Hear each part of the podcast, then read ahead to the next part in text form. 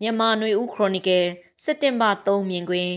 ရခိုင်ပြည်နယ်ကတိုက်ပွဲတွေဘယ်လောက်ထိကျပြန့်လာမလဲဆိုတဲ့အကြောင်းကိုဖတ်ကြားပေးပါမယ်။2020ရွေးကောက်ပွဲမတိုင်ခင်ကာလတွေမှာအေအေနဲ့စစ်တပ်အကြားတိုက်ပွဲတွေတိတိတသားလျှော့ချပြီးရွေးကောက်ပွဲပြီးနောက်မှာနှစ်ဖက်သဘောထားထုတ်ပြန်ချက်တွေထုတ်ပြန်ကနောက်ဆက်တွဲရွေးကောက်ပွဲလှုပ်ဆောင်ဖို့ရွေးကောက်ပွဲကော်မရှင်ကိုတိုက်တွန်းခဲ့ကြတဲ့အထိလက်နက်ကင်ပြိပခါတွေရန်နာခဲ့ကြပြီးနှစ်နှစ်ဝန်းကျင်ကြာမှာ တကြော့ပြန်တိုက်ပွဲတွေပြင်းထန်လာပြီဖြစ်ပါတယ်။2019အကုန်2018နဲ့2019ခုနှစ်တွေအတွင်းရခိုင်ပြည်နယ်မှာကြဲကြဲပြန့်ပြန့်ဖြစ်ပွားခဲ့တဲ့တိုက်ပွဲတွေအတွင်းအရက်သားတွေကြီး300နဲ့400ကျအသက်ဆုံးရှုံးခဲ့ကြရသလိုစစ်တပ်နဲ့အဲအဲတို့ဘက်မှလည်းလက်နက်ကင်အဖွဲ့ဝင်တွေယာနဲ့ချီတေဆုံးခဲ့ကြလိမ့်မယ်လို့ခန့်မှန်းရပါတယ်။ကျေးရွာချို့မီးလောင်ပျက်စီးခဲ့ရပြီးလမ်းပန်းစစ်တွေရေးတွေစီးပွားရေးလုပ်ငန်းတွေ လူသားချင်းစာနာမှုအကူအညီတွေအဖက်ဖက်မှာထိခိုက်ခံစားခဲ့ကြရတာဖြစ်ပါတယ်။တစ်ဖက်မှာတော့ AA အနေနဲ့2020ခုနှစ်အကုန်ပိုင်းကနေ2022အစပိုင်းလောက်တွင် လူသစ်စုဆောင်ခြင်းစင်ပြိုင်အုပ်ချုပ်ရေးတရားရေးအခွန်အကောက်တွေကိုအတန်တိတ်ဆိတ်စွာနဲ့ဖွဲ့စည်းနေခဲ့ပြီးအင်အားကောင်းအောင်လှုပ်ဆောင်ခဲ့တာဖြစ်ပါတယ်။မြန်မာပြည်မှနဲ့အခြားပြည်နယ်တွေမှာနိုင်ငံရေးမတည်မငြိမ်ဖြစ်နေတာ လက်နက်ကင်အဖွဲ့တွေဖွဲ့စည်းကြပြီးလက်နက်ကင်တိုက်ခိုက်မှုကို အာဏာသိမ်းစစ်တပ်အနေနဲ့ရင်ဆိုင်နေရတာကို အခွင့်အရေးတရက်ဖြစ်အမိအယအတုံးချခဲ့တာဖြစ်ပါတယ်။မြန်မာစစ်တပ်အခက်ရခိုင်အချက်အဖြစ်အတုံးချခဲ့ပြီးလွန်ခဲ့တဲ့နှစ်နှစ်ဝန်းကျင်ကအေအေအနေထားနဲ့အခုအေအေအနေထားအများကြီးကွာခြားသွားခဲ့တာဖြစ်ပါတယ်။ခုတပံဖြစ်ပွားလာတဲ့လက်နက်ကင်တိုက်ပွဲတွေကနေ အေအေကနောက်အဆင့်တဆင့်တက်လှမ်းဖို့စ조사နေတယ်လို့ခန့်မှန်းရပါတယ်။နေဆက်ဒေတာကိုအခြေစိုက်စခန်းအဖြစ်ထူထောင်ဖို့စ조사တာမျိုးရိုဟင်ဂျာအရေးကိုကင်တွယ်ဖြေရှင်းနိုင်တဲ့နိုင်ငံရေးစစ်ရေးအားကောင်းတဲ့အဖွဲ့အစည်းတစ်ခုဖြစ်နေတော့၎င်းအဆင့်တစ်ခုပြောင်းလဲရယူဖို့ရည်မှန်းထားကောင်းရည်မှန်းထားနိုင်ပါတယ်။တရုတ်နိုင်ငံခြားရေးဝန်ကြီးဖြစ်သူမကြာသေးမီကဘင်္ဂလားဒေ့ရှ်နိုင်ငံတွားရောက်ခဲ့ပြီးရိုဟင်ဂျာဒုက္ခသည်တွေနေရပြန်ရေးမှာ ကူညီဆောင်ရွက်မယ်ဆိုတဲ့ကရိစကားပြောဆိုခဲ့တာဖြစ်ပါတယ်။အေအေအဖွဲ့ဟာမြောက်ပိုင်းမှာခြေစိုက်ထူထောင်ခဲ့ပြီးရခိုင်ပြည်နယ်ကိုတဖြည်းဖြည်းရွှေ့ပြောင်းနေရာယူလာခဲ့တဲ့လက်နက်ကင်အဖွဲ့ဖြစ်ပြီးတရုတ်နိုင်ငံနဲ့ဆက်ဆံရေးရှိတဲ့သဘောယူဆကြတာလို့ရိုဟင်ဂျာအရေးဖြည့်ရှင်းမှုမှာ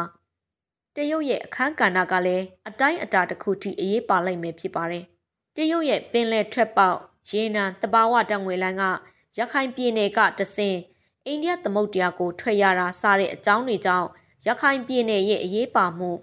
အေအေရဲ့အခန်းကဏ္ဍစတာတွေကိုတရုတ်နိုင်ငံကနားလေသဘောပေါက်ထားပြီးဖြစ်မယ်လို့ယူဆရပါတယ်။တစ်ဖက်မှာစစ်ကောင်စီအနေနဲ့အခုလိုပြည်တွင်းမှာစစ်မျက်နှာပေါင်း10ခုထက်မနည်းဖွင့်ထားရချိန်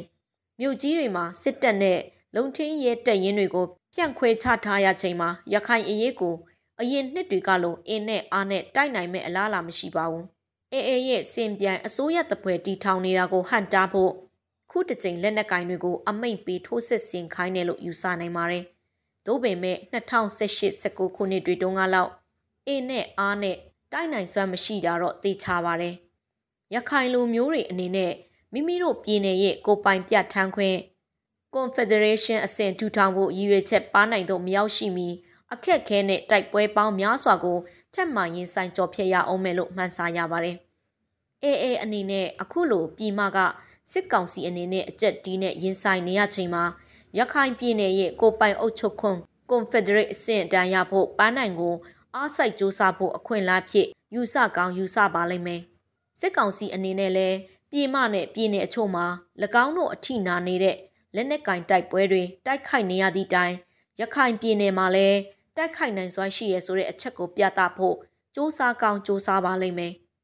စစ်ကောင်စီအနေနဲ့2018-2019ခုနှစ်တုန်းကလိုအင်အားအပြည့်နဲ့တိုက်ခိုက်နိုင်ဖို့အခြေအနေမျိုးမဟုတ်တာတော့သိချပါတယ်အခုချိန်နေမှာစစ်ကောင်စီအဖို့မြေပြင်ကြီးသက်သက်တိုက်ခိုက်တာထက်လေကြောင်းအကူအညီနဲ့တိုက်ခိုက်တာကိုပြည်မမှာရောပြည်နယ်တွေမှာပါ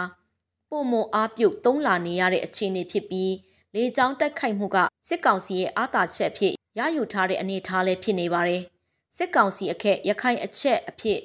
ဘလောက်အသုံးချနိုင်မလဲ။ရီမန်းချက်ဘလောက်အောင်မြင်နိုင်မလဲဆိုတဲ့အချက်တွေကိုတော့မကြခင်လပိုင်းနှစ်ပိုင်းမှာအဖြေပေါ်လိမ့်မယ်လို့ယူဆရပါတယ်။ဒီနေ့ဖို့အခြားသတင်းတွေထဲမှာတော့ခုရပိုင်းအတွင်းဒေါ်အောင်ဆန်းစုကြည်ကိုဆွဲဆိုထားတဲ့ရွေးကောက်ပွဲဥပဒေချိုးဖောက်မှုနဲ့ပတ်သက်တဲ့အမှုအတွက်ထောင်ဒဏ်၃နှစ်ချမှတ်လိုက်တဲ့ပေါ်အမေရိကန်နိုင်ငံချားရေးဝန်ကြီးကရှုတ်ချလိုက်တဲ့သတင်းဖြစ်ပါတယ်။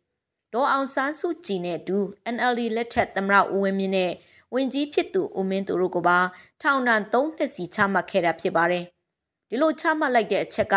ဖမ်းဆီးခံထားရတဲ့ဒေါ်အောင်ဆန်းစုကြည်ဦးဝင်းမြင့်နဲ့အခြားသော NLD ပါတီရဲ့ခေါင်းဆောင်တွေကိုလှုပ်ပေးဖို့နိုင်ငံတကာကအစဉ်တစိုက်တောင်းဆိုနေတော့မှာပဲပြစ်ဒဏ်ထပ်မံချမှတ်လိုက်ပြီးနောက်ထပ်ဆွဲဆိုထားတဲ့အမှုတွေလည်းရှိသေးတာကြောင့်နိုင်ငံတကာရဲ့တောင်းဆိုမှုကိုလစ်လူရှုပြီး ဒေါ်အောင်ဆန်းစုကြည်နဲ့ NLD ကိုနိုင်ငံရေးနယ်ပေကဖယ်ရှားဖို့အထိစစ်ကောင်စီရဲ့ရည်ရွယ်ချက်ကိုထင်ဟပ်ပြလိုက်တယ်လို့ဖြစ်ပါတယ်။စစ်ကောင်စီဟာစစ်ဆက်ဆွေးနွေးတာမျိုးလှုပ်ဆောင်ဖို့မတင်တဲ့အဖွဲ့အစည်းဖြစ်နေပြီလို့အကဲဖြတ်ပြောဆိုမှုတွေလည်းရှိနေပြီးစစ်ကောင်စီဘက်ကလည်းတိုင်းသားလက်နက်ကိုင်အဖွဲ့တွေကိုသာဆွေးနွေးစကားပြောဖို့ချင်းကပ်ပေမဲ့ NUG, CRPH တို့လို NLD ပါတီလွှတ်တော်ကိုယ်စားလှယ်နဲ့ခေါင်းဆောင်တွေပါဝင်တဲ့အဖွဲ့အစည်းကိုတော့ အကြမ်းဖက်အဖွဲ့လို့ခေါ်ဝေါ်သမုတ်ပြီးဆွေးနွေးဖို့အစီအစဉ်မရှိကြောင်းမကြာခဏထုတ်ပြောနေခဲ့တာလည်းဖြစ်ပါတယ်ရှင်။